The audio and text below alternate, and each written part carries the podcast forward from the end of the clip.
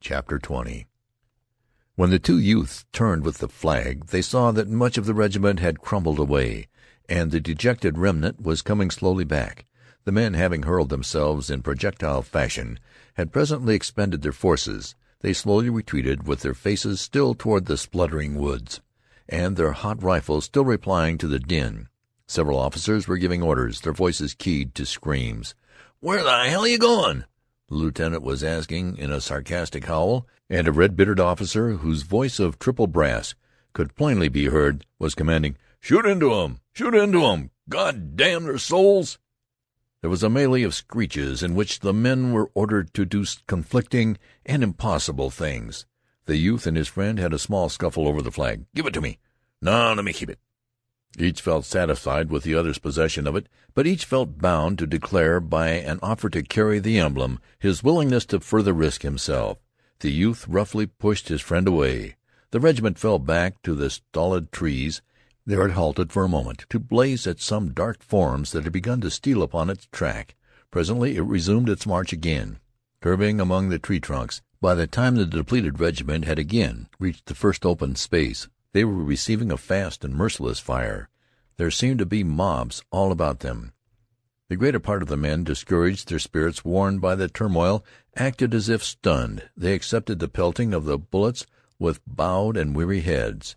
It was of no purpose to strive against walls. It was of no use to batter themselves against granite. And from this consciousness that they had attempted to conquer an unconquerable thing, there seemed to arise a feeling that they had been betrayed.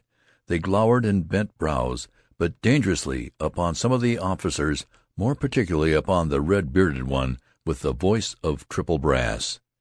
However, the rear of the regiment was fringed with men who continued to shoot irritably at the advancing foes. They seemed resolved to make every trouble. The youthful lieutenant was perhaps the last man in the disordered mass. His forgotten back was toward the enemy. He had been shot in the arm. It hung straight and rigid. Occasionally he would cease to remember it, and be about to emphasize an oath with a sweeping gesture. The multiplied pain caused him to swear with incredible power. The youth went along with slipping, uncertain feet. He kept watchful eyes rearward. A scowl of mortification and rage was upon his face. He had thought of a fine revenge upon the officer who had referred to him and his fellows as mule drivers. But he saw that it could not come to pass. His dreams had collapsed when the mule drivers dwindling rapidly, had wavered and hesitated on the little clearing, and then had recoiled. And now the retreat of the mule drivers was a march of shame to him. A dagger-pointed gaze from without his blackened face was held toward the enemy, but his greater hatred was riveted upon the man who, not knowing him, had called him a mule driver when he knew that he and his comrades had failed to do anything in successful ways that might bring the little pangs of a kind of remorse upon the officer, the youth allowed the rage of the baffled to possess him. This cold officer upon a monument, who dropped epitaph unconcernedly down, would be finer as a dead man, he thought. So grievous did he think it that he could never possess the secret right to taunt truly in answer. He had pictured red letters of curious revenge. "We are mule drivers, are we?" and how he was compelled to throw them away. He presently wrapped his heart in the cloak of his pride and kept the flag erect. He harangued his fellows, pushing against their chests with his free hand. To those he knew well he made frantic appeals, beseeching them by name. Between him, the lieutenant, scolding, and near to losing his mind with rage there was felt a subtle fellowship and equality. They supported each other in all manners of hoarse, howling protests. But the regiment was a machine run down. The two men babbled at a forceless thing. The soldiers who had heart to go slowly were continually shaken in their resolves by a knowledge that comrades were slipping with speed back to the lines. It was difficult to think of reputation when others were thinking of skins. Wounded men were left crying on this black journey. The smoke fringes and flames blustered always. The youth, peering once through a sudden rift in a cloud, saw a brown mass of troops interwoven and magnified until they appeared to be thousands. A fierce-hued flag flashed before his vision. Immediately, as if the uplifting of the smoke had been prearranged, the discovered troops burst into a rasping yell, and a hundred flames jetted toward the retreating band. A rolling gray cloud again interposed as the regiment doggedly replied. The youth had to depend again upon his misused ears, which were trembling and buzzing from the melee of musketry and yells. The way seemed eternal. In the clouded haze men became panic-stricken with the thought that the regiment had lost its path and was proceeding in a perilous direction.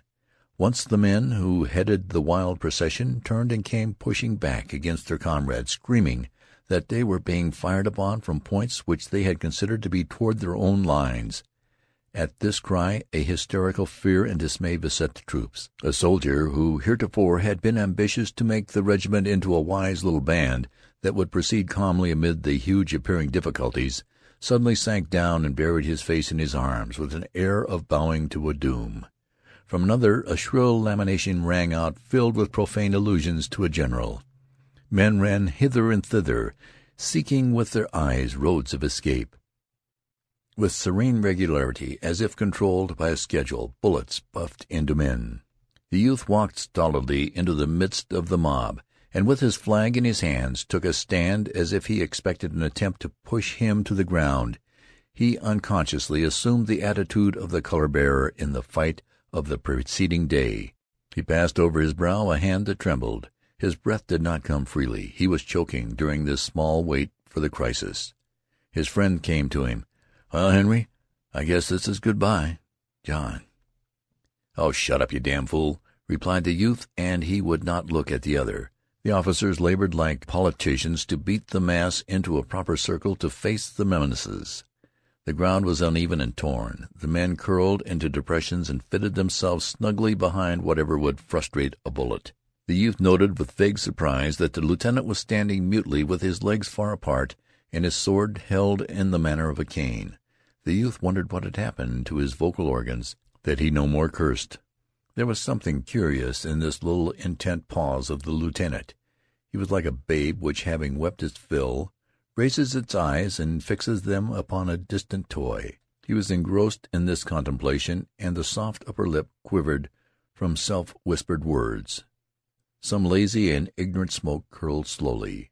The men, hiding from the bullets, waited anxiously for it to lift and to disclose the plight of the regiment. The silent ranks were suddenly thrilled by the eager voice of the youthful lieutenant, bawling out, "Here they come! Right on to us, by God!" His further words were lost in a roar of wicked thunder from the men's rifles. The youth's eyes had instantly turned in the direction indicated by the awkward and agitated lieutenant, and he had seen the haze of treachery disclosing a body of soldiers of the enemy. They were so near that he could see their features. There was a recognition as he looked at the types of faces. Also he perceived with dim amazement that their uniforms were rather gray in effect, being light gray, accented with a brilliant hued facing. Moreover, the clothes seemed new. These troops had apparently been going forward with caution, their rifles held in readiness, when the youthful lieutenant had discovered them, and their movement had been interrupted by the volley from the blue regiment. From the moment's glimpse it was derived that they had been unaware of the proximity of their dark-suited foes and had mistaken the direction. Almost instantly they were shut utterly from the youth's sight by the smoke from the energetic rifles of his companions. He strained his vision to learn the accomplishment of the volley, but the smoke hung before him. The two bodies of troops exchanged blows in the manner of a pair of boxers. The fast, angry firings went back and forth.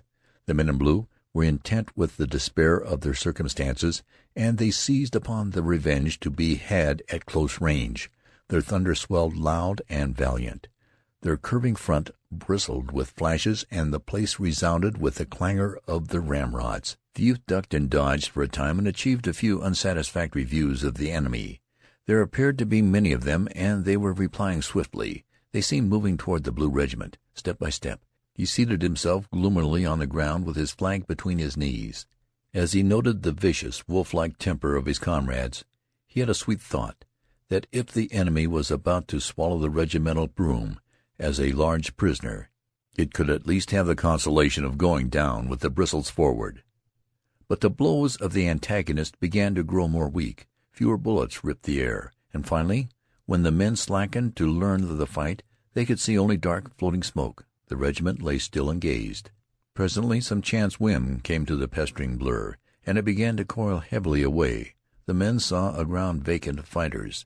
It would have been an empty stage if it were not for a few corpses that lay thrown and twisted into fantastic shapes upon this sward.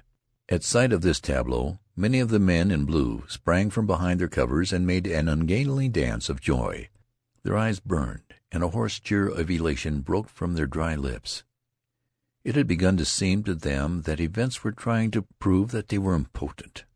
These little battles have evidently endeavored to demonstrate that the men could not fight well. When on the verge of submission to these opinions, the small duel had showed them that the proportions were not impossible, and by it they had revenged themselves upon their misgivings and upon the foe. The impetus of enthusiasm was theirs again. They gazed about them with looks of uplifted pride, feeling new trust in the grim, always confident weapons in their hands. And they were men.